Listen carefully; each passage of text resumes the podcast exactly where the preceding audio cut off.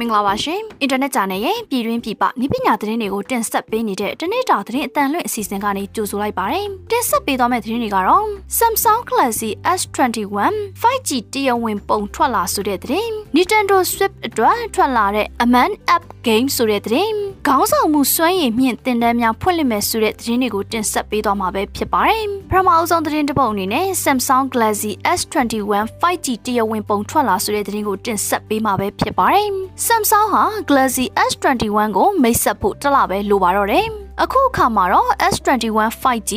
S21 Plus 5G နဲ့ S21 Ultra 5G ဖုန်းဒီဇိုင်းတွေကလည်းပေါက်ကြားထွက်ပေါ်နေပါတယ်။အခုဆိုရင်တော့ Galaxy S21 5G တရဝင်တရုပ်ဖော်ပုံကို Even Black ကဝေမျှလိုက်ပါပြီ။ဓာတ်ပုံထဲမှာ Punch Hole Display ပါဝင်လာတာတွေ့ရပါတယ်။ S21 5G ရဲ့ wallpaper ကိုလည်းတရဝင်ပုံမှာဖော်ပြထားပါတယ်။တရဝင်ပုံမှာတော့ S21 5G ကြောပတ်တော့မပြထားပါဘူး။ အရင်ထွက်ထားတဲ့ပုံတွေအရကြောဘက်မှာ downlight ပုံစံကင်မရာ၃လုံးပါဝင်နိုင်ပါတယ်။ S21 Plus 5G နဲ့ S21 Ultra 5G တွေမှာလည်းအလားတူဒီဇိုင်းကိုအသုံးပြုထားပွဲရှိပါတယ်။ Ultra မှာတော့မတူကွဲပြားတဲ့ကင်မရာပါလာပါမယ်။ဆက်လက်ပြီး Nintendo Switch အတွက်ထွက်လာတဲ့ Aman at Game ဆိုတဲ့သတင်းကိုတင်ဆက်ပေးမှာပဲဖြစ်ပါတယ်။ Nintendo ဟာ In Time War ပြပွဲမှာ Switch Game Set အတွက် Aman at Game ထွက်ရှိမယ်လို့မနေ့ကကြေညာခဲ့ပါတယ်။ Aman at Game ဟာ Mobile နဲ့ PC မှာပဲထွက်ရှိပြီးတော့အခုအခါမှာ Game Set အတွက်ပထမဆုံးထွက်လာတာဖြစ်ပါတယ်။ Aman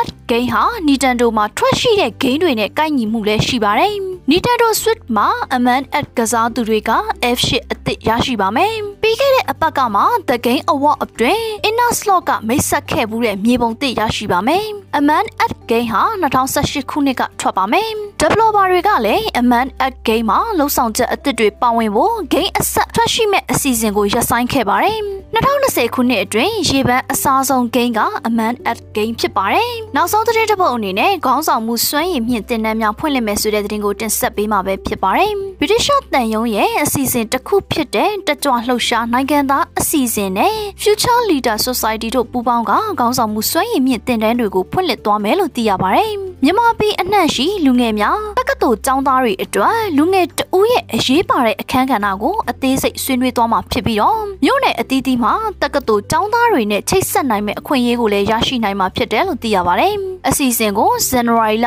9ရက်9ရက်9ရက်17ရက်14ရက်16ရက်တွေမှာဖြစ်စေ6ရက်8ရက်10ရက်12ရက်15ရက်18ရက်များတွင်ဖြစ်စေညနေ6နာရီကနေ8နာရီအထိအွန်လိုင်းကနေတဆင့်ဆွေးနွေးတင်ကြားသွားမှာဖြစ်ပြီးတော့နှစ်သက်ရာတင်နန်းချိန်တစ်ခုကိုရွေးချယ်ကတက်ရောက်နိုင်မှာပဲဖြစ်ပါတယ်။တင်နန်းပြီးမြောက်ပါက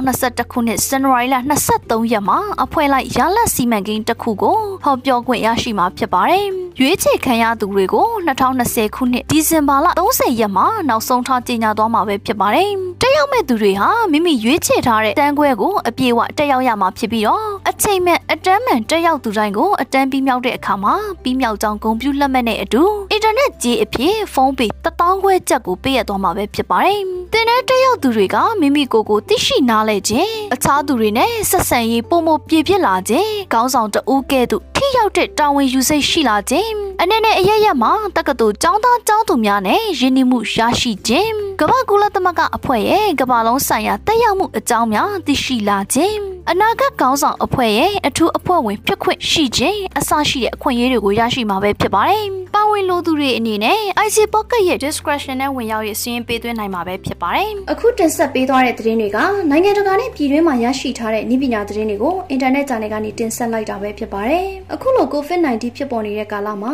ပြည်သက်တွေအနေနဲ့လည်းကျန်းမာရေးနဲ့အာကစားဝန်ကြီးဌာနရဲ့လမ်းညွှန်မှုတွေနဲ့အညီလိုက်နာဆောင်ရွက်ခါနေထိုင်သွားလာဖို့တိုက်တွန်းလိုက်ပါတယ်။ကျွန်မကတော့ဝေမြင့်မှုပါ။